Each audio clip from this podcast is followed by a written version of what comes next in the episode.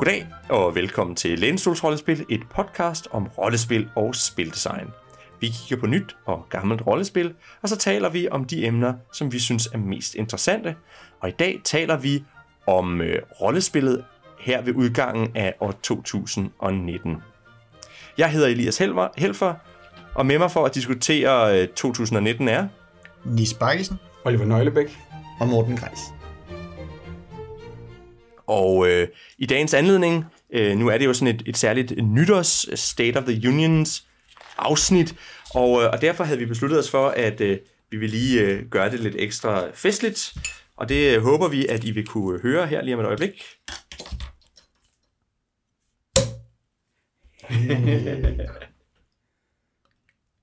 Se, hvor festlige vi bliver af det. Ja. Uh, det bliver godt. Det bliver en løsluppen episode, det her. Fantastisk.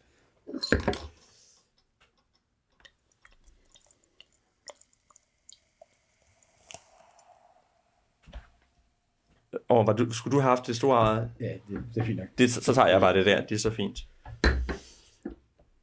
Og det, som I ikke kan se derhjemme, det er, at, øh, at Nis har nogle fantastiske gammeldags champagneglas, som, øh, som Nis og Oliver skal drikke af. De er dejligt flade, så det bruser af hurtigt, så slipper for det der skrækkelige brus, som jo ellers generer den fine øh, hvide vin her. Og så vil vi øh, gerne skåle på endnu et øh, godt år her i øh, lænestolens skær. Ja.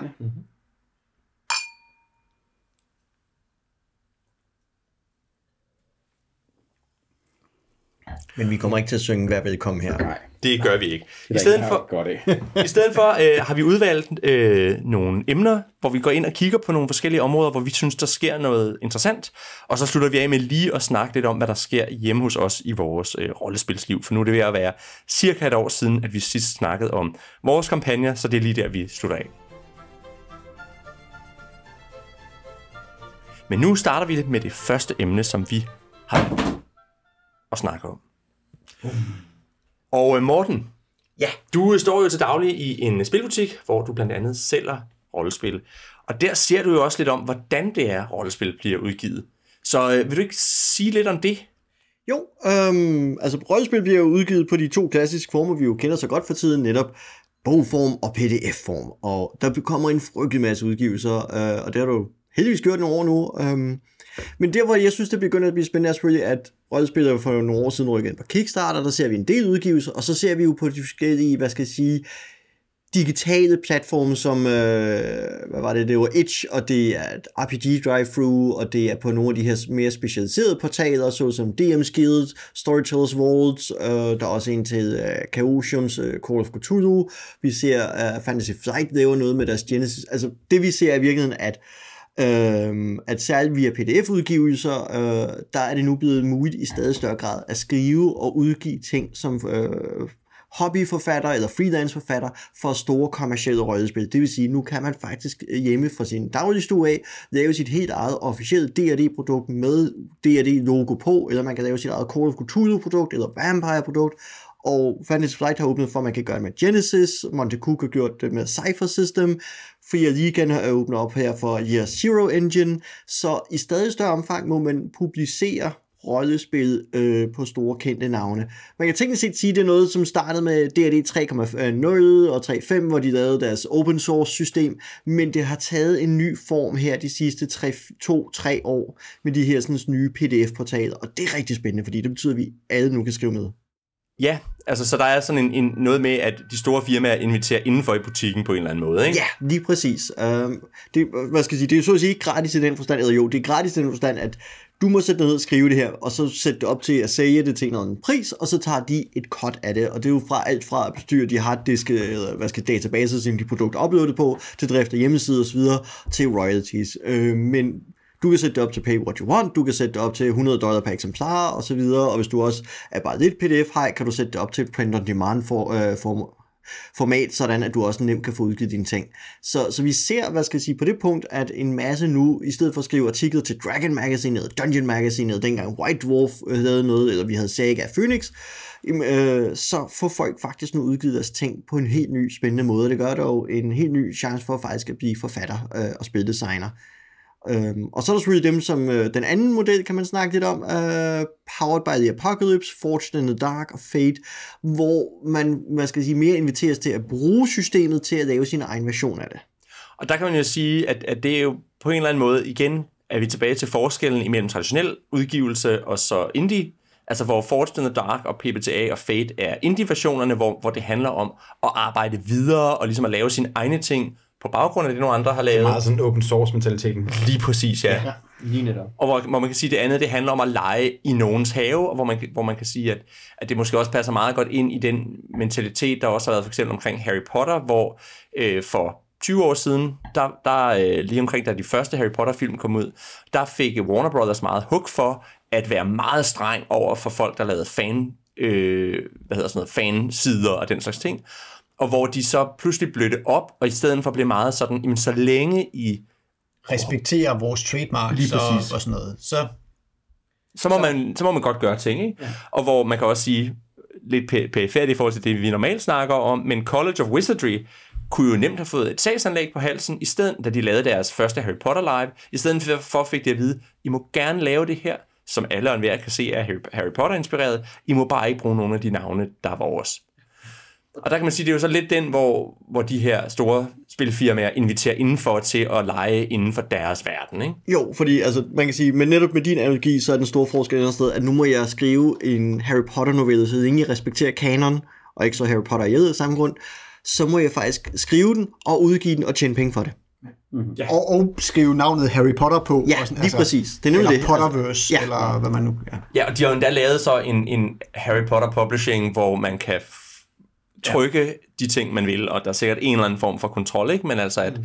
at uh, inden for de her platforme, som, så længe det er lødigt, så må man, uh, ja. så må man udgive det selv. Ikke? Og det må man nu også uh, med Dungeons and Dragons for eksempel på DM-skid, og det er lidt spændende, fordi det er til, at for nogen, som, dem som har tid nok til det, så kan der faktisk være en betydelig indkomst uh, på det her og øh, flere af dem, som er aktive forfattere, laver nogle gode produkter synligheden, fordi de, de screener produkterne, bliver faktisk håndplukket til at være øh, professional freelancer, lidt mod selvmodsigende det her, men, men de bliver håndplukket til at skrive til officielle Wizards of the Coast udgivelser. Så, nu, så de sidste 2, 3, 4 bøger, hvor meget det er, for Wizards, indeholder materiale, der er forfattet af de her freelancere, som simpelthen er blevet udvalgt på grund af kvaliteten af de ting, de laver. Og på den måde kan man sige, at, at de store firmaer har jo heller ikke andet end grund til, fordi de kan alligevel ikke producere så mange materialer, som, altså, de kan ikke producere alle de materialer, folk gerne vil have, mm-hmm. og så er det bedre, at de på en eller anden måde gør det på en måde, som de har en eller anden form for hånd i hanke med. Ikke? Man kan i hvert fald se, at hele den der Splatbook-sæson, der var rigtig høj med, med Pathfinder, og, og det, den, er, den, er, den er lidt gået over til, at folk selv laver deres egen Splatbooks, mere end det er den der produktmøllen, som, som knækkede øh, ret mange producenter. Ja. Øh, og man kan jo sige, det har næsten altid, altså, det, er det har jo fra, nærmest næsten fra dag i dag jo også, uh, dag i dag jo været rollespils natur et eller andet sted, at folk selv skal skabe materialer, ikke? Ja. Og nu har vi bare fået en helt ny måde at blive inviteret indenfor at blive officielle skaber af materialet. Så kan man sige, så er der den anden del af det, som måske er den, jeg i virkeligheden synes er mere interessant, øh, hvor jeg synes, det, det er interessant at se, altså der bliver stadigvæk lavet alle mulige indie, indie-produkter, men jeg tror, der har været en eller anden form for sult inden for det der indie-selskabermiljø over for at have nogle, øh, noget lidt mere struktur på det, nogle lidt nemmere tilgange, og hvor man kan sige, da Vincent Baker så udgav øh, Powered by the Apocalypse, som var så nemt at, altså, det var så nemt at tilpasse, og så gjorde han jo det, som jo på mange måder var rigtig fint, at han lavede indie-versionen af The Open Gaming License. Han sagde, alle og enhver må tage udgangspunkt i det her. Hvis man bruger mine ord, så skal man have tilladelse, og så må man, hvis man føler, at man er inspireret af det her, så må man skrive Powered by the Apocalypse. Det kom jo senere efter, at folk begyndte at, have, at tage ja. den, fordi op til Apocalypse World, så var egentlig uh, mindset meget sådan klassisk. Uh, vi, vi ville finde på noget for os selv, så stjæler vi det fra hinanden i små bidder, men vi laver hele tiden vores eget selvstøbte værk. Ja. Men der var så mange, fordi han havde så mange innovationer med i uh, Apocalypse World, og også så meget faktisk tilbagevendt traditionelt rollespil i forhold til tidligere indie-spil. Det er meget mere traditionelt faktisk, end, end mange tidligere spil, som gjorde, at folk havde nemmere ved at gribe det som en hel pakke og sige, jamen det kan vi male om den her pakke. Og så var det, han, han responderede på den meget generøse måde at sige, slå jeg løs, bare lige uh, giv mig klistermærket. Øhm, som jo uh, som sparkede hele gang, ikke? og som også i, i høj grad har formet hele den der uh, tradition med at lave de spil. Og så kan man sige, at da så uh, Blades in the Dark kom, øh, det var jo i, i virkeligheden et må man sige, et PBTA-spil. Det, det er meget tydeligt, øh, meget tydeligt inspireret, men, men laver sådan nogle ting om. Og i forbindelse med den Kickstarter, som jo fik rigtig mange penge, så var det, han sagde, oh, men som med nogle, nogle stretch goals, så kan man så, øh, så laver vi nogle... Så inviterer vi nogle andre til at lave noget med den Lige præcis. modificerede engine. Ja. Og det var så der, hvor han pludselig indså, at det her, det, kunne man, det, var en, det var ikke bare et system, det var faktisk en engine, mm-hmm. ligesom Powered by the Apocalypse, kunne man kalde en engine. Øhm, øh, og, og, og derfor skal jeg lave et navn til det, inspireret er jeg ret sikker på, mm. af Apocalypse World, og det bliver så det, der hedder Forged in the Dark, hvor, hvor alle de her systemer, der er der ligesom tager deres udgangspunkt i øh, Blades in the Dark, er så Forged in the Dark, og der er kommet en hel masse forskellige ting. De er nok lidt mindre forskellige end, end Powered by the Apocalypse-spillene, vil jeg umiddelbart sige. De har i hvert fald haft indtil videre, fordi de jo også opstod i den der Blades ja. in the Dark Kickstarter, så havde de meget sådan en tematisk mm. lighed også, ikke? Hvor, hvor man kan sige, Powered by the Apocalypse, der har vi både, ja, der har vi Apocalypse World, startet, men så har vi også en nu teenage øh, romance øh, ting, og vi Monster har øh, ja, med Monster Hearts, og vi har øh, Good Old Dungeoneering med Dungeon World, og så, altså, og der Bluebeard ligesom, Sprite. Og Blue, øh, er Bluebeard Sprite, ja, vel, ja, det er strengt taget også, ja, ja. Nej, ikke strengt taget, det er... Ja, mm. det er klistermærket. Ja, ja. Nå, jo, det har klistermærket. Jeg, jeg tror bare, at for mig var det så tæt på at være et scenarie, så jeg tænkte ja. ikke så meget i, hvordan det var Altså, det var, ja. var, var det mere et scenarie i systemet, eller det var et system? Ja. Det er en helt anden diskussion. Det, der kan man læse, øh, eller høre vores Bluebeard-afsnit, hvor vi snakker om det. Det er interessant, fordi jeg tror, at der var det nemmere, altså Bluebeard kunne sagtens være udgivet uden klistermærket, mm. yeah. øhm, som en traditionel indie, men der var klistermærket lige pludselig et sådan sign of uh, approval, sådan et, et marketingfordel at have klistermærket for at sige, det her er en del af noget, jeg kender. Yeah. Mm. Det, er, det, det er ligesom der, den gik fra at være sådan en, en øh, en, en, sådan en, vi har det med, fordi vi har lavet et spil, øh, det her, men mere sådan en, vi har det med, klistermærket på, for at at promovere vores spil i højere grad, end det var den anden vej rundt. Ikke? Mm. Uh, og der, der tror jeg måske i virkeligheden også, at altså jeg tror, der er nogle, nogle, nogle ting i det, hvor blandt, blandt andet tror jeg, at inden for indie, altså i gamle dages indie, det var sådan noget vilde vesten, hvor du vidste sgu aldrig, hvad du ville finde, når Nej. du åbnede en ny bog. Mm. Og hvor med Powered by the Apocalypse får, får du lidt af den der vildskab og, og nyskabelse og, og kreativitet, men samtidig med har du en, du har en forståelse for i nogen grad, hvad det er, du går ind til. Der er nogle, nogle grund filosofier og nogle grundtilgange, som er de samme, og det gør, at at det er lidt trygt at gå ind i et Powered by the Apocalypse-spil. Men man ved, hvordan skal man gå i gang med at fortolke det her. Ja, ikke? Altså man ved, hvad for et sprog har det her ting til at tale til mig. Ja, lige præcis. Ja. Men for lige at vende tilbage til den der Forged in the Dark, så er det for, altså fordi mange af de spil jo opstod under den Kickstarter, så var de også ligesom, så var det mere sådan genre-versioner af det, den samme model med, okay, nu prøver vi at lave et spil til at lave heists, men okay, det her grundspillet er så fantasy-udgaven, men så kom science fiction-udgaven og cyberpunk-udgaven og sådan noget ved siden af. Og det gjorde, der ligesom opstod en familie, der sådan tematisk er meget ens. Øhm, og det var ligesom grundkernen i Fortune der. Men, Men jeg vil sige, allerede med, med Band of, øh, ja, Band of Blades, Band of Blades begynder det at lave noget nyt. Ikke? Altså, ja. så er det godt være, at det har sådan en, en gritty tone, som minder om verden for, Bla- øh, for Blades in the Dark, men historien, der bliver fortalt, er en helt anden. Ja, ja, øhm, så. Ja. så jeg tror bestemt, det er på vej. Det har bare ikke ligesom været i gang så længe. Som... Første generation er meget lige op af. Ja. Ligesom første generation af Power of the Apocalypse også var tættere på originalen, end, end de senere udgivelser er. Ikke? Altså, det er sådan en naturlig spredning, der kommer. Ja, så kan man sige, kan se, vi har både Kult uh, The Lost Divinity, som jo kører på en 2D10-model af Power of the Apocalypse, og Undying, som har fjernet terningerne helt. Mm-hmm. Og så kan man sige, så er der jo, der er jo også nogen i, i, i sådan periferien. Jeg synes også for eksempel, altså jeg har været meget inspireret af Spire, som så kom med en, en, en ny Kickstarter til det, der hedder Heart. Og det, der står ikke Powered by the Apocalypse eller noget på, men det er meget tydeligt også, altså det er en fætter også til det der, ikke? Så der er ligesom... Men det er jo også fordi, at, at uh, Apocalypse World kom med et nyt sprog for nogle meget fundamentale ja. byggeenheder af spildesign, ikke? Moves, er jo, og playbooks er jo de to ting, der er taget med, og som, som, som basically bare er, altså det er en anden måde at lave karakterark på, hvor du bygger, hvor du har alting stående på, som også som du skulle finde i bogen normalt, det står bare på karakterarket den her gang, og så moves, som jo bare er en fundamental øh, enhed af, af spilmekanik. Ja. Altså, og når du har de sprog, så bliver du ligesom fanget i den der Powered by the Apocalypse øh, tankegang. Øhm, så det er bare sådan en reformulering af nogle fundamentale enheder i spildesign, ja. som har og det er sjovt, du nævner, nævner uh, playbooks, fordi at uh, jeg har siddet og kigget på OSR-rollespillet ja. Beyond the Wall, som jo er en, en D&D-klon, som OSR-spil jo generelt er, men de bruger playbooks, hvor hver bog for, uh, hver klasse i virkeligheden har en lille playbook-struktur, sådan at, at den følger meget den tankegang, men nu har portet playbooken over i en D&D-klon. Men Playbook har altid været en, øh, en, en, en, en karakterklasse eller arketype. Det har aldrig været andet. Altså, det er fuldstændig det samme. Det var noget af det første, jeg så, det læste på. Det, det her det er en rigtig smart måde at lave traditionelt rollespil på. Mm. Hvor jeg vælger character class, men jeg gør det med en sej bog, hvor jeg får et super stemningsfuld udgave af den. Øh, mere end bare sådan en åben ark, jeg selv skulle fylde ting på. Ikke? Jo, lige præcis. Så kan man sige, så er der det tredje i den der trio, som vi ikke har snakket så meget om, det er Fate. Man kan så også sige, at Fate er også den eld, den ældste af dem, og måske også den, hvor der foregår mindst lige nu. Men jeg synes ikke, man må undervurdere, at der stadigvæk sker ting på Fate. At der udkommer stadigvæk nye Fate-spil, og det er også sådan en, øh, en, en, en af de der banehalvdele, hvor, eller hvad hedder sådan, en af de der systemer, hvor, eller engines, hvor dem, der har lavet det, har sagt, kom og leg på vores, ja. med vores, øh, vores engine. Øh, og, og, og det har også ført en masse interessant med sig, ikke? Altså, det er fedt, at det, de udgiver sådan primært af kerneprodukter, det er bøger, hvor man hacker deres system og tilføjer ja. ting og sager. Det kommer der sådan løbende stadigvæk bøger med nye måder at, at twiste deres system rundt på. Det øh, synes jeg er en enormt charmerende tilgang. Jeg synes, det er lidt interessant at, at snakke lidt om, at jeg synes, jeg kan se en forskel mellem engines og systemer. Ja. Og nu, nu har jeg, jeg lytter jo til det podcast, der hedder Ken and Robin Talk About Stuff, og jeg synes som regel, de siger mange kloge ting. Men på et tidspunkt sagde de, ja, men engine og system er jo det samme. Og det er jeg ikke enig i, fordi for mig er engine, det er den motor, der kører ind i et system. Ikke? Og, og, og at den engine, det er for eksempel powered by the apocalypse, og systemet er Apocalypse World. Ja. Og at du kan tage den motor ud og sætte den ind i et andet karosseri, og så er det altså noget andet. Ja.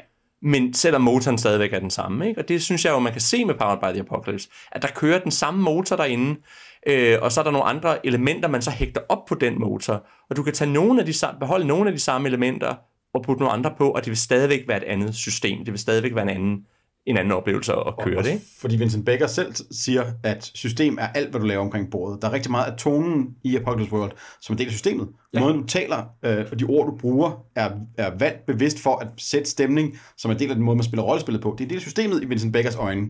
Øh, men det bliver, bliver meget hurtigt øh, fjernet, når man, ikke, når man tænker gammeldags på rollespil, hvor det bare er, hvilke mekanikker er i det. Ja. Men, men rigtig meget af det er også sproget og, og procedurerne og, og til at sige, som også er del af systemet. Jo, for mig, for mig ville det også være sådan et eller andet sted, at der er mange af de ting, altså hvis jeg tænker en engine, så tænker jeg næsten de her systemfamilier, ikke? ligesom vi kan tale basic roleplaying ja. og sådan noget, øhm, så er det også ligesom, jamen jeg kan godt tænke på hele den systemfamilie, der hedder Powered by the Apocalypse, som netop er det, der giver mig sproget til at tage et konkret spil og, og forstå det og mm. læse det osv., men det, det er de spændende detaljer, eller hvis vi kigger på et Fria Ligaen-spil, så er det, hvordan er reroll-mekanikken i det her spil, som, giver, som sætter hele tonen for, hvordan kommer jeg til at spille det her, men, men engine er den, er den samme. Jeg forstår, hvordan jeg skal læse det fra starten. Jeg ved, at jeg skal blandt andet gå på jagt efter og kigge efter sådan en reroll-mekanik. Og så kan vi så sige, at Free League er jo så et eksempel på nogen, der ikke har givet deres engine fri. Øh, at de jo, har jo lige lanceret ja, det, faktisk. Har de det? Ja, ja. fordi det annoncerede de, at de hælende på en af deres seneste Kickstarter, ja. så, så vil de lave open source udgaven af det. Så, så de er, og det så giver Zero, license, ja, Open. Gaming License, ja. Så, og det giver Zero Engine. Uh, så lige nu, uh, jeg talte med dem faktisk på Speed omkring det her, og øh, hvor han oplyste, at de faktisk givet sig til at se de her ting, på, øh, det var så tilbage i oktober, og der var så, hvad skal jeg sige, de kunne fortælle lidt om, at de kunne se, hvad folk var i gang med at lave, nogle var i gang med at lave en ny fantasy-ting og så videre, en western-ting blandt andet. Der, så det vil sige, der er ikke kommet så meget endnu, øh, men fans, der sidder og arbejder på det, altså både, hvad skal jeg sige, hjemmeskabte supplementer til eksisterende ting, men også helt nye rollespil på det. Øh, så de, de har faktisk, og, og deres systemer, eksempel er også meget godt på, hvordan nogle gange de her systemer opstår, fordi det er opkaldt efter det første rollespillene, men på det tidspunkt, øh, altså Mutant Year Zero, der var det så integreret i Mutant Year Zero, at de ikke havde tænkt det som en generisk system, før de var en 3-4 spil henne, ikke? og sagde, okay, nu har vi brugt det til Coriolis mm. og Tales from the Loop og Forbidden Lands, måske skulle vi bare se på, på det her som en universal engine.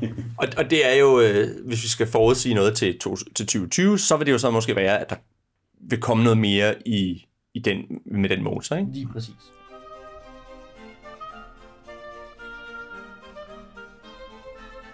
Nis, nu har vi snakket lidt om, øh, øh, hvordan nogle af firmaerne lukker folk ind på deres banehalvdel. Men øh, der også, sker også noget med, hvordan øh, hvad hedder det, firmaerne ligesom kommer hjem til os. Hvordan, hvordan køber man et rollespil i dag? Ja, altså i hvert fald mange sådan, hvad kan man sige, mid-range udgivelser, sådan noget, de kommer jo på Kickstarter. Der er masser, altså jeg har øh, fik, øh, hvad er det, det hedder, øh, Things from the Flood øhm, i år, så, altså så endnu et af de her Fria Liga-indspil og så videre. Det var jo endnu en Kickstarter-kampagne, de lancerer mange af deres ting via Kickstarter. øhm, Og sådan kan man se mange af de her, øh, altså og det er jo, når jeg kalder dem midrange, det er, jo ikke, det er jo store, fine udgivelser, man får ud af de her Kickstarter-ting, og, og bøgerne kommer også ud i, det, det er ikke sådan, at det er produkter, man kun kan få via den her Kickstarter, sådan noget, men det er bare jo efterhånden blevet der, man laver sit splash, men det er ikke der, altså, det omvendt er det de her midrange ting, der kommer ud, fordi det er ikke længere der, en helt ny og ukendt person kan komme ind og lave den fine nye Kickstarter-udgivelse, fordi kravene, de krav, vi stiller nu til dags til, hvad en Kickstarter-udgivelse skal levere, er både, hvor lækker den skal, altså både, hvor lækkert slutproduktet skal være, og hvor fin kampagnen skal være, hvor meget, hvor meget vi også skal kunne tro på, at produktet bliver til noget i sidste ende. Så det gør, at der skal ligesom helst være en, der er nogenlunde etableret publisher bag. Øhm, så, så det ser vi jo meget på de her Kickstarter-kampagner. Og det gør jo så også, at mange af de produkter, man ser nu til dags, øhm, er præget af, at sådan en Kickstarter-kampagne, den skal jo have noget, der kan øh, sådan, incitere folk til at skulle være, være med på Kickstarteren, ikke bare gå ned og købe bøgerne ved siden af. Og det giver stretch goals, og stretch goals har så givet os et fantastisk væld af dimser til vores, øh, til vores spil. Altså, det er ligesom, øh, for mig er jeg sådan lidt tilbage til, øh, til sådan de gode gamle boxset dage eller sådan noget. Ja. Um, hvor man også, altså hvor når man gik ned og købte sig et nyt campaign set til, i, til AD&D og købte sådan en stor campaign som var fyldt med kort og bøger og nogle ekstra scenarier og nogle artbooks og, og ting og sager. Sådan noget. Plancher. Plancher, øh, plakater man kunne hænge op på, øh, øh, på sit værelse og sådan noget. Så det, det er lidt der, vi er kommet tilbage til nu med de her Kickstarter-udgivelser, hvor at, ja, ja, du får din grundbog, så kan det være, at der er en deluxe-udgave af den her grundbog, fordi nu, øh, nu var der meget mere print on, on demand, eller i hvert fald print efter, vi ved noget om, hvor, hvor meget publikum vi har, så videre, så kan de ligesom skalere og lave de her øh, deluxe-udgivelser og sådan nogle ting fra dag 1. Um, øhm, og hvad hedder det, men så er der så alle de stretch goals, der gør dem, så er der også lige et specielt til terninger til det her. Så er der også lige nogle ekstra, øh, en, en artbook. Så er der også lige nogle øh, spillekort, man kan bruge til at spille det specielle tarotspil, der er øh, med i den her øh, setting, eller hvad det nu kan være. Altså på den måde, der kommer altså øh, Forbidden Lands, hvor man har kort, øh, den sætter klistermærker på, og kort for alle de magiske ting, man kan finde, og, og alt sådan noget. Ikke? Der er masser af godter, øh, er sådan meget af det, som, som de her spil sælger sig på nu til dags. Og der, der tænker jeg, altså i virkeligheden tror jeg også en del af det måske er, at, øh, at rollespillene lærer noget af brætspillene, at der er sket meget på brætspil. Dels af brætspilsmekanikker, og dels af, hvordan brætspillene sælger sig på Kickstarter. Og det får mig jo til at nævne en af de Kickstarter, jeg har backet i år, som er Root, The Roleplaying Game. Og jeg havde hørt om det, og jeg tænkte, ah, skal, altså, hvis man ikke ved det, så var Root et meget populært øh, brætspil på Kickstarter, som også har fået en udvidelse på Kickstarter, som er med sådan nogle, sådan nogle dyr i en skov, der er, er, ude, der er ude i en drabelig kamp om herredømmet. Og jeg tænkte, hvordan pokker har de tænkt sig at lave det til et, øh, et rollespil? Det er de så lavet til et Powered by the Apocalypse-spil, hvor der så følger nogle kort med, og nogle dimser og alt muligt. Og, øh, og netop stretch goals herfra og til evigheden. Og jeg kiggede på det, og det så faktisk, det så faktisk rigtig fedt ud, og jeg endte med at backe det og købe alle de fysiske ting med, fordi det bare så så lækkert ud og hvor, jeg, hvor man kan sige, ellers havde jeg måske bare købt pdf'en, mm-hmm. men fordi der var alle de lækre ting med, så endte jeg med også at købe den version, der havde fysiske dimser med. Øhm, og, og, og det tror jeg jo også, det er jo, det er jo også en måde at få et lækkert produkt ud til folk, fordi så nogen som Morten ikke har lige så meget plads nede i butikken, som, som man måske godt kunne tænke sig, så alle de der midrange spil, dem er der ikke nødvendigvis plads til. Der er plads til Pathfinder og Dungeons and Dragons og måske lidt mere, ikke? Nu, der er nu god, synes, jeg, vil sige, ja, jeg vil sige, der er god, der er god plads til indie-udgivelserne, ja, det, og, og det også dem, der er længere ja, nede ja. på stigen, end hvad kan man sige, fri ja, Jeg på at stå, vi har obskure udgivelser stående. Det, ja. det, det, er jo ikke for... Øh... Men det er rigtigt nok, man, har ikke, man kan ikke nødvendigvis gå derned og købe alle de mærkelige Kickstarter-ting. Nej, der er nogle af dem, der, der ikke kommer ud i retail, ja. den, og det er den simple forklaring på, fordi jeg kan også, vi har igen nogle obskure kortpakker dernede, kan ja, ja, ja. ja, ja. Men der er jo så nogen, der slet ikke kan komme ned til dig, og det er jo for eksempel sådan som Onyx Path. Ja, øh, eller rettere, i det øjeblik, igen, hvis vi lige tager butik, min butiksat på, det kommer man på, laver de print on demand, eller laver de uh, retail udgivelser, fordi laver de retail udgivelser, så vil de jo typisk også inde i en butik som der, hvor jeg arbejder, og i alle de andre tilsvarende hobbyforretninger. Ja. Mens print on demand er lidt mere ustabilt, øh, lidt mere besværligt, og, og så er det sådan lidt, vækster det lidt, om butikker har dem eller ej. Øh, men, men det er helt klart, at Onyx Path, øh, altså at begyndte her særligt i 2019 faktisk, og også i kommende år 2020, at fokusere langt mere på øh, retailmarkedet, og faktisk okay. have flere udgivelser på vej. Så de har jo deres Scion-bog ude, de har deres, øh, nu hvor de jo begyndt at skrive til Vampire 5th Edition, kommer deres øh, Chicago-bog, kommer ud faktisk øh, i retail i 2020. Så, så det vil sige, Onyx Path er stille og roligt også ved at bevæge sig fra at have deres korps af freelancer og skrive til Storytellers World og lave en masse pdf-udgivelser via Kickstarter osv., at de begyndt stille og roligt også at vandre lidt ind over retail-området.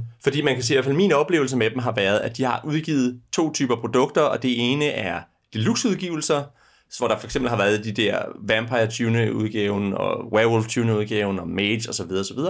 Og så har der været PDF-udgaver, som man så kunne få print on demand. Altså det har ligesom været det, der har været deres mm, forretningsmodel. Ja. Det er ikke at trykke almindelige udgaver, men at trykke lækre, lækre deluxe-udgaver, og så at trykke, eller så at lave pdf'er, som man så kan få trykt, som man vil have det. Ikke? Mm. Sådan at de ikke har haft det samme behov for at have et, et fysisk lager og en fysisk distributionskanal, ikke? fordi enten sælger de direkte, eller også får de nogle andre til at trykke en bog til dig.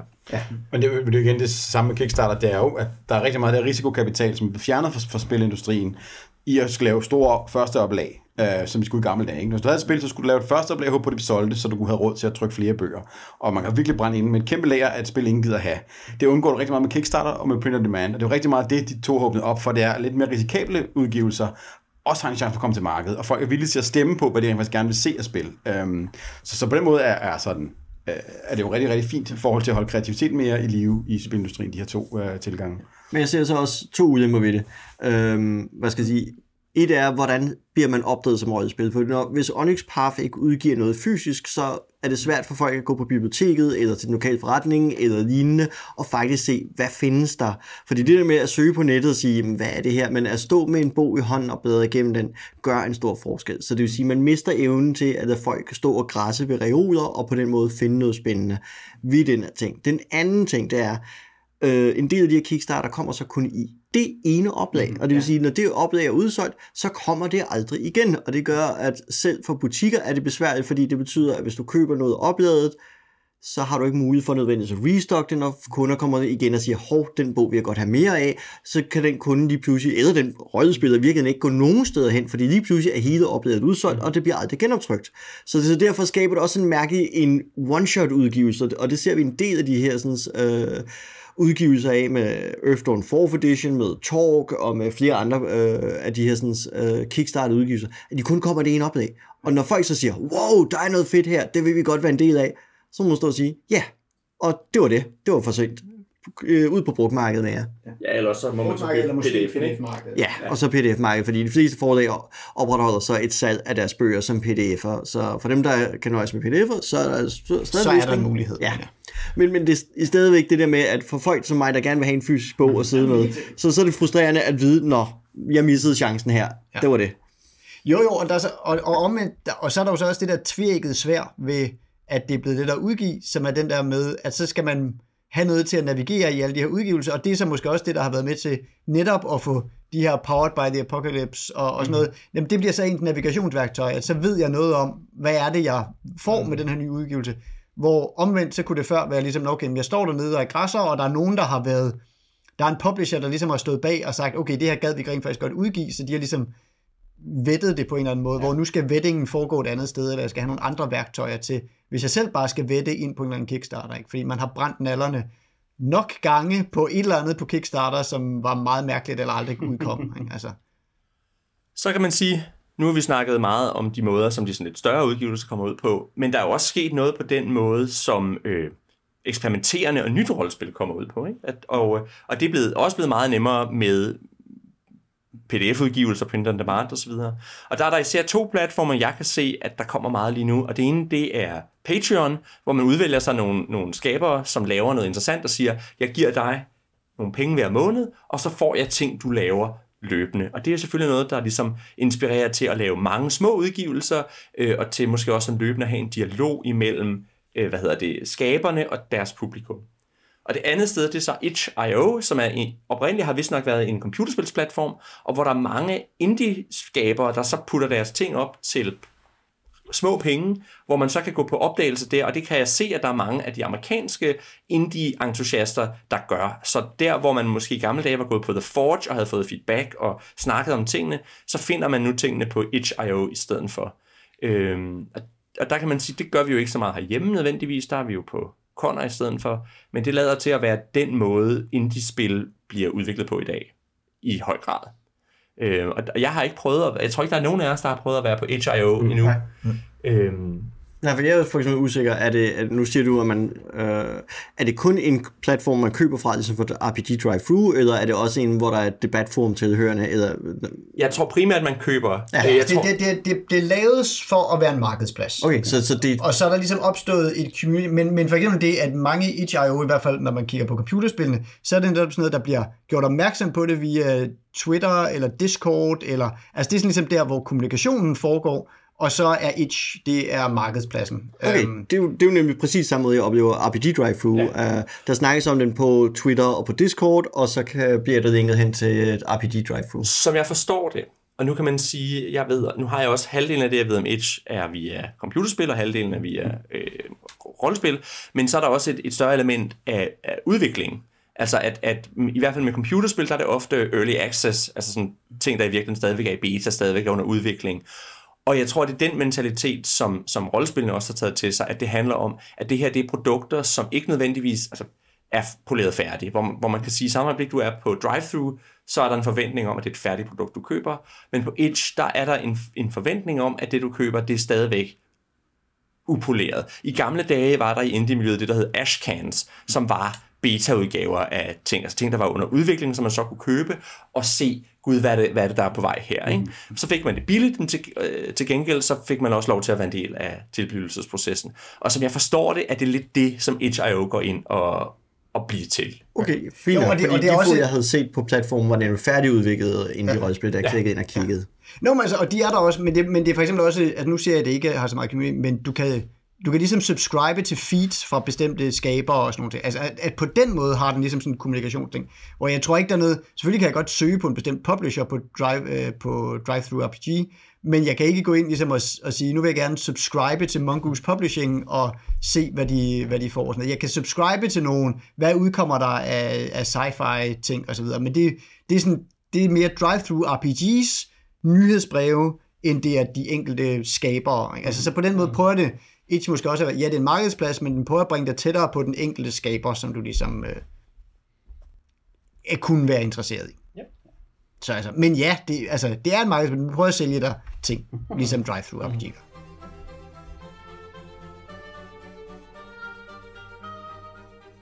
Ja, nu har vi jo snakket meget om, hvad der foregår sådan ude omkring, men øh, der foregår jo også ting her i vores egen lille andedam, Oliver, du har øh, du er vores udsendte medarbejder, du der har fingeren på... i andedam. Ja, ja, det er jeg nemlig. det er jo uh, vores kvaksalver. Øh, ja. Øh, du har oplevet, oplevet nogle ting, som foregår sådan i, i de danske communities på Facebook og sådan nogle ting. Og hvad, ja. hvad er det for noget? Jeg har jo været på barsel, så jeg har haft alt for meget tid til, til Facebook, fordi der er ikke tid til andet, øh, når man sidder med sådan en kræ der. Så jeg har været rigtig meget inde på øh, Facebook-grupperne, så som øh, Pen and Paper øh, Danmark, som er en rigtig livlig gruppe, og, øh, og deres spin-off-gruppe GM-diskussion og ting og sager, hvor jeg kan se, at der er rigtig godt gang i Dungeons Dragons rundt omkring ude i, øh, i det danske land. Rigtig mange af de der folk, som ikke øh, er en del af sådan festival og andre ting og sager, hvor man normalt mødes med rollespillere, vikingkon og sådan noget, de sidder derhjemme og spiller D&D, og de har så fundet hjem i Pen and Paper, hvor de sidder og snakker og bytter tricks og tips og sådan ting og sager og stiller spørgsmål og får hjælp af hinanden. Og, øh, og der er mange sådan nye spilledere, som har prøvet på, at jeg kan se, altså mængden af, af nye GM'er og folk, der, er, der siger, jeg er ikke så god til det her nu, og hvad er en god encounter her, og sådan ting, og siger, den er rigtig, rigtig sprudlende erfaringsudvikling der, som viser, at der er rigtig mange grupper derude, som er opstået, nye grupper inden for D&D.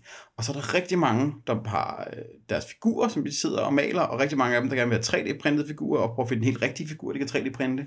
Og så er der også de der øh, folk, som har lidt for mange penge til det, som er i gang med at lave borer med skærme i, så de ikke behøver at have papirkort eller sådan nogle de der whiteboard markers på et stykke ternet øh, plastik. Det er... Øh, det er ikke godt nok længere. Nej, det er ikke godt nok. Man kan virkelig se, at, at hele den der dimse-ting fra Kickstarter også rigtig meget er gået i øh, sådan gør det selv mode hjemme hos folk, og folk vil rigtig gerne lave deres mega lækre. Der er også nogen, der laver sådan nogle komplicerede terrænstykker, sådan helt op i sådan noget Warhammer-terræn-niveau, hvor man laver så sådan med, med malede øh, do- elementer og, og tårne og sådan ting og sager, som folk kravler rundt i 3D med deres figurer. Det er meget imponerende at følge med i, hvor meget folk går op i deres spil for tiden. Men det ved jeg næsten også igen, Warrollespils evige problem er, at det er en af de få visuelle ting. Ikke? Altså, ja. Det er meget svært at vise, hvilket sejt scenarie man har lavet, men når man sidder og fotograferer sin egen tekst, eller man sidder og filmer i det spil, man har lavet. Så ender vi ofte med, at det er det tilbehør, vi kan vise frem. Ja. Det er det, vi har som konkret. Uh, så jeg tror også, at det på den måde et eller andet sted har en selvforstærkende effekt, at det er den mest visuelle del af rollespil. Det er det, vi kan vise frem, og Facebook elsker jo billeder. Hashtag flere rollespilsbilleder i dit feed. ja. Men det er, jo, det er jo også det er jo rigtigt, altså fordi det nu det der hashtag, hvis man ikke ved, det, det, er jo, det er jo fordi, der har været sådan nogle folk, der har sagt, vi vil se folk, der spiller rollespil, ja. Og problemet er, at det er jo var, typisk... Var det ikke mest af, at vi så så mange, der spillede live-rollespil? Altså, hey, vi, vil også, vi spiller altså også bordrollespil. jo, jo, for nu men... at sige, hvor det egentlig kom fra. Og hvor man kan sige, at, at det, ser jo, det ser jo ofte lidt kedeligt ud, fordi det er bare 4-5 gutter, der sidder omkring et bord. Og hvis der så ikke er nogen figurer, eller kort, eller andre ting, så er det bare, der er en, der står og gestikulerer. Jeg er selv, er selv ofte blevet fotograferet vildt gestikulerende som spilleder. Det er du også god til, Elias. Ja, det er jeg. God til. Jeg har meget lange arme. som sagt, hashtag flere rollespilsbilleder i dit feed. Jeg vil sige, Morten gestikulerer også rigtig godt i forhold til, at hans arme jo er væsentligt kortere end dine. Ja. ja. Så, og, og vi kan jo sige, hvis der er nogle lyttere, der kan få rollespil til at se rigtig pænt ud, så, må, så vil, ser vi det gerne. Det. Ja. ja, vi vil gerne se det. Også gerne flere på Lænesolens feed, så det er dejligt. Ja. Nå. Men, men øh, så der er noget der i forhold til, til at folk de pimper deres spil ja. derhjemme. Ja. Det er tydeligvis en rigtig god del af hobbyen, det er, folk sådan, de lægger rigtig meget arbejde i det. er rigtig dejligt at se, hvor meget folk har sådan samlet det op. Og jeg kan se rigtig mange af dem, det er enten øh, folk, der har holdt ved med D&D, eller også er det folk, der kommer tilbage igen, efter de har fået lidt mere fritid, når børnene er flyttet hjemmefra. Det er meget den, øh, det segment, der er hoppet tilbage i, øh, i hobbyen, og som har lidt for meget tid nu, hvor børneværelset er blevet hobbyværelse, øh, tænker jeg, at, at det er dem, der fylder i billedet, strømmen i hvert fald. Ja, og så er der jo bare kommet mange, mange nye rollespillere til, hvilket er jo fantastisk. Det er så godt. Øh, og det gør jo også, at der bliver måske lidt flere penge i dansk rollespil, og nu er det også billigere at udgive. Så det vil sige, at der er også nogle folk, der begynder at få øjnene op for, at man kan udgive ting på dansk. Ja. Øh, PT vil jeg sige alt for få i virkeligheden. Ikke? Altså, vi har set en dansk oversættelse af Fate Accelerated, som var, var vældig fedt. Vi har lige fået D&D begyndersættet på dansk. Øhm, og så har vi jo en, en dansk Kickstarter, der kørte for nogle år tilbage, som jo har et rødspil på vej at få med her i 2020, Mythica, som er en dansk Pathfinder-klon. Og så har vi Heldeliv, som vi jo tidligere har fat i her på podcasten, og som jo også er en powered by Apocalypse klon, som vi jo forhåbentlig også ser en lancering af her i 2020. Han har i hvert fald der... sagt, at han er ved at være færdig med bogen. Ja. Der skulle være nu her omkring uh, julesæsonen her, han skulle ja. være på. Ja. Så, så det er jo også rigtig spændende, og så kan man jo se, at der er en del røre omkring Lif, som jo også er et tusse gammelt dansk ja. rollespil, som hvor Jakob Octavius, hvis jeg husker ja. ret, um, jo, uh, hvad skal jeg sige, han udgav en bog tilbage i 2000, uh, øh, en regelbog, mm. og så har der Lef de samlede værker, og så har der ikke været så mange udgivelser siden. Det var, det var længe den lækreste bog i min samling.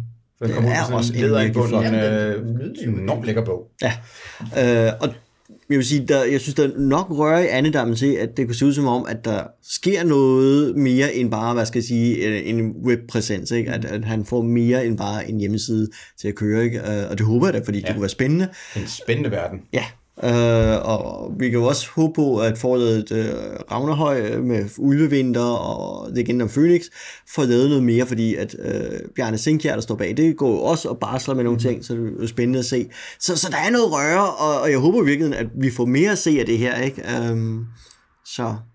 Og så kan man jo sige, det kan der jo også komme af, at der også er en del sådan rollespilsrelaterede medier derude, og ikke mindst flere podcasts. Og der er blandt andet Stemmernes Tårn, har du snakket godt om. Ja, øh, altså der er Stemmernes Tårn, som jo øh, Christian, Christian Fuglendorf er en stand-up komiker og radiovært, hvis jeg har forstået ret, som jo har lavet noget. Først lavede han en, en håndfuld episode for Radio 24 og så har han så lavet sin egen podcast, som jo så kører lige nu. Øh, sæson 1 var en ren podcast, sæson 2 kører på YouTube og podcast, og så går han og bare med en sæson 3, hvor han jo så spiller Dungeons and Dragons, øh, helt klassisk øh, sin egen fantasyverden, og så er det D&D, og så har vi jo også øh, eftersidning på eventyr, som øh, er en anden podcast. Øh, eftersidning hedder det egentlig, men de har jo så lavet eftersidning på eventyr, hvor de spiller med øh, Over the Edge regelsystemet, second edition, øh, spiller i dansk 1990'erne univers og de kører på tredje sæson, som er faktisk er virkelig en virkelig, virkelig god podcast, synes jeg. Virkelig velproduceret. Uh, virkelig, altså, vi nærmer os noget, der minder meget om radioteater, mm. bare med rødspillere. Ja, den, den har jeg virkelig nyt at lytte til. Og så, så er der jo Han Duo, uh, som er sådan trøjspejlet for voksne, der har jo lavet uh, en, en, hvor de spiller svært trøjder. De har så spillet uh, Trøjder for Ildbjerget, hvor de simpelthen spiller sig vej gennem bogen uh, med højtlæsning af teksterne, hvilket de gør overraskende godt der man kan se, der er noget stemmetræning ind over der. Og så har de jo en Call of Cthulhu øh, podcast på vej, hvor de spiller Call of Cthulhu, som kommer 2020. Um, og det er, hvad jeg sådan lige på stående fod kan huske. Og så er der altid nogen, der snakker ude i krone om, at de godt kunne tænke sig at lave en podcast, og det håber jeg meget, de vil, hvis de lytter med her, tage sig sammen og gøre, fordi vi kan godt bruge noget mere. Vi vil gerne have konkurrence. Ja. ja. Det, det er faktisk ikke så svært at sidde og snakke, mm. uh, hvis man har en, der har lidt teknisk snille. Uh, vi har bare fundet Elias, og det er vi andre rigtig glade for.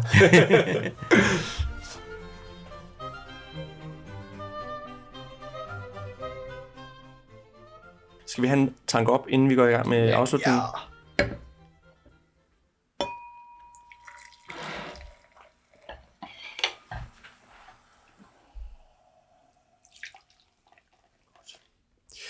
Nu har vi jo snakket lidt om, hvad der er sket øh, både derude i verden og hjemme i Danmark.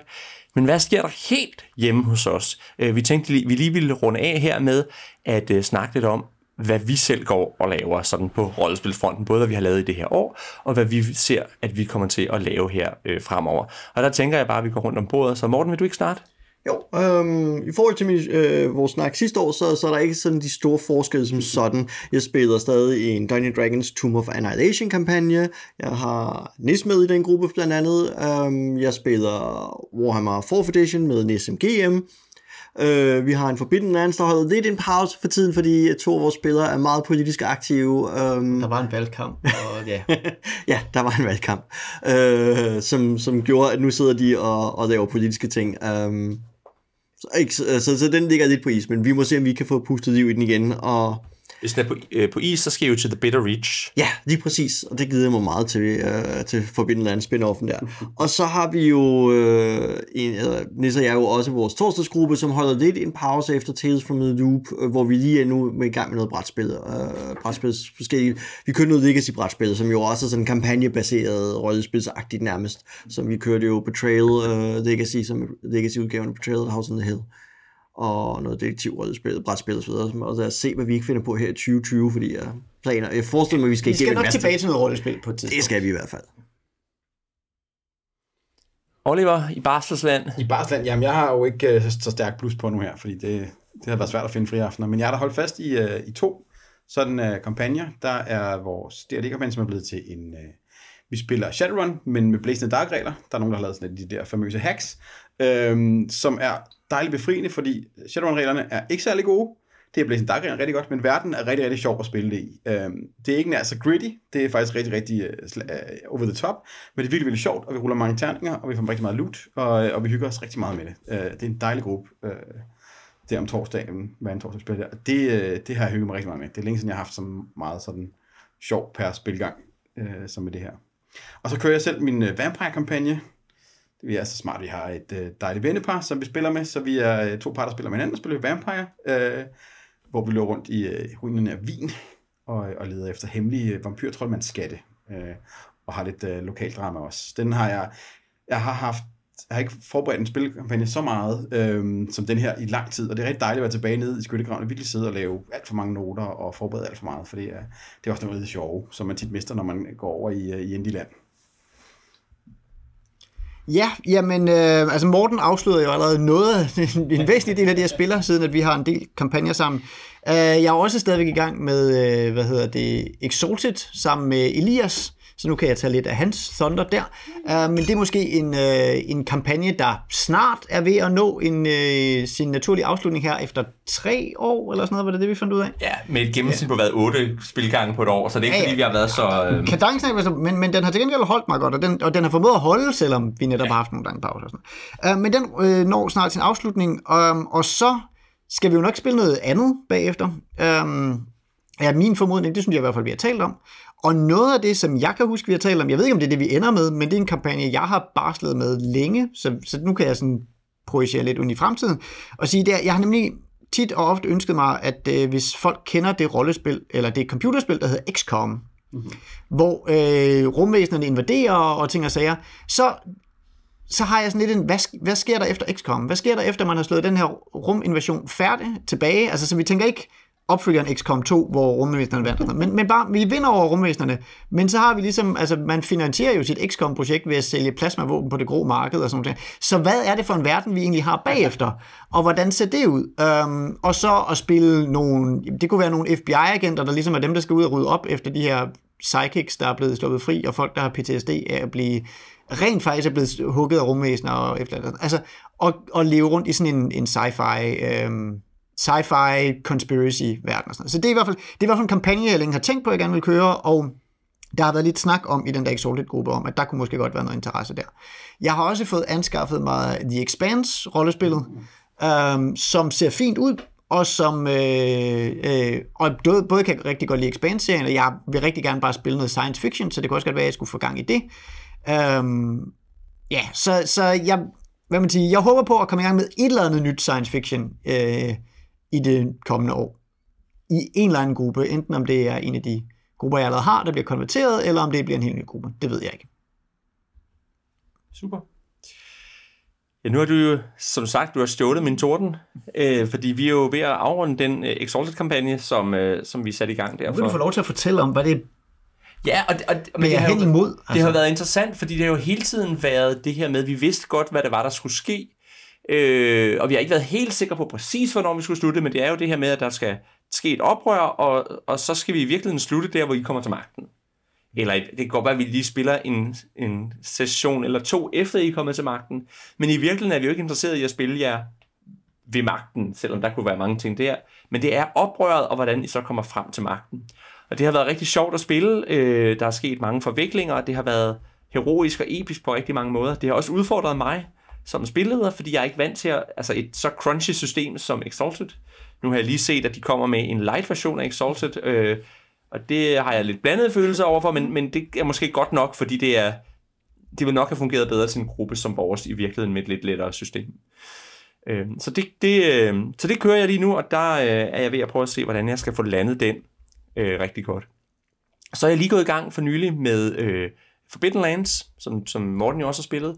Og, øh, og det er jeg sammen med en gruppe, som består af min bedre halvdel, og øh, så en gut, som nok er droppet ud, men som er sådan en, en gammel, øh, sådan en relativt old school rollespiller, og så to, som aldrig har spillet rollespil før, men som gerne vil, og som har spillet en del sådan noget World of Warcraft og sådan nogle ting.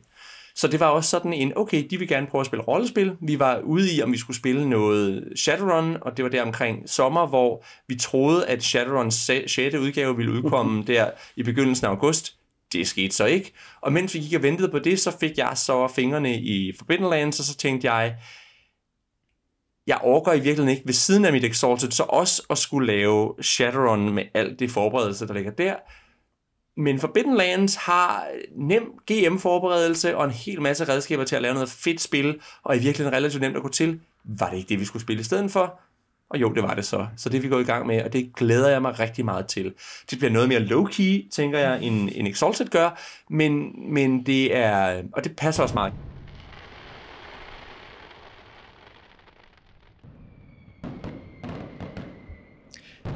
Ja, og så nåede vi desværre ikke mere den dag, øh, og det havde overhovedet slet, slet ingenting at gøre med, at nogen havde glemt at komme batterier i optageren.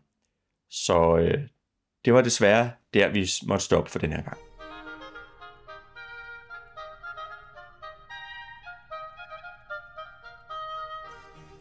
Så øh, det var alt for i år. Vi, hvis du vil kommentere på noget af det, vi har lavet, enten øh, det her afsnit eller nogle af de tidligere, eller hvis du bare gerne vil sige hej til os, eller måske hvis du vil fortælle os, hvad du tror, der kommer til at ske i 2020, så kan du finde os på lænestolsrollespil.dk, eller du kan finde os på Facebook, hvor vi både er på siden Lænestolsrollespil og i gruppen Lænestolsrollespil. Du kan også skrive til os på kontakt Sammen med mig var Nis Haller Bakkesen, Oliver Nøglebæk og Morten Grejs og jeg hedder Elias Helfer. Tak for i år. Øh, det har været en fornøjelse at lave podcast for jer, og vi håber, I vil også fortsætte med at lytte med i det kommende år. Rigtig godt nytår og vi håber på rigtig mange gode rollespilsoplevelser til jer alle sammen i 2020.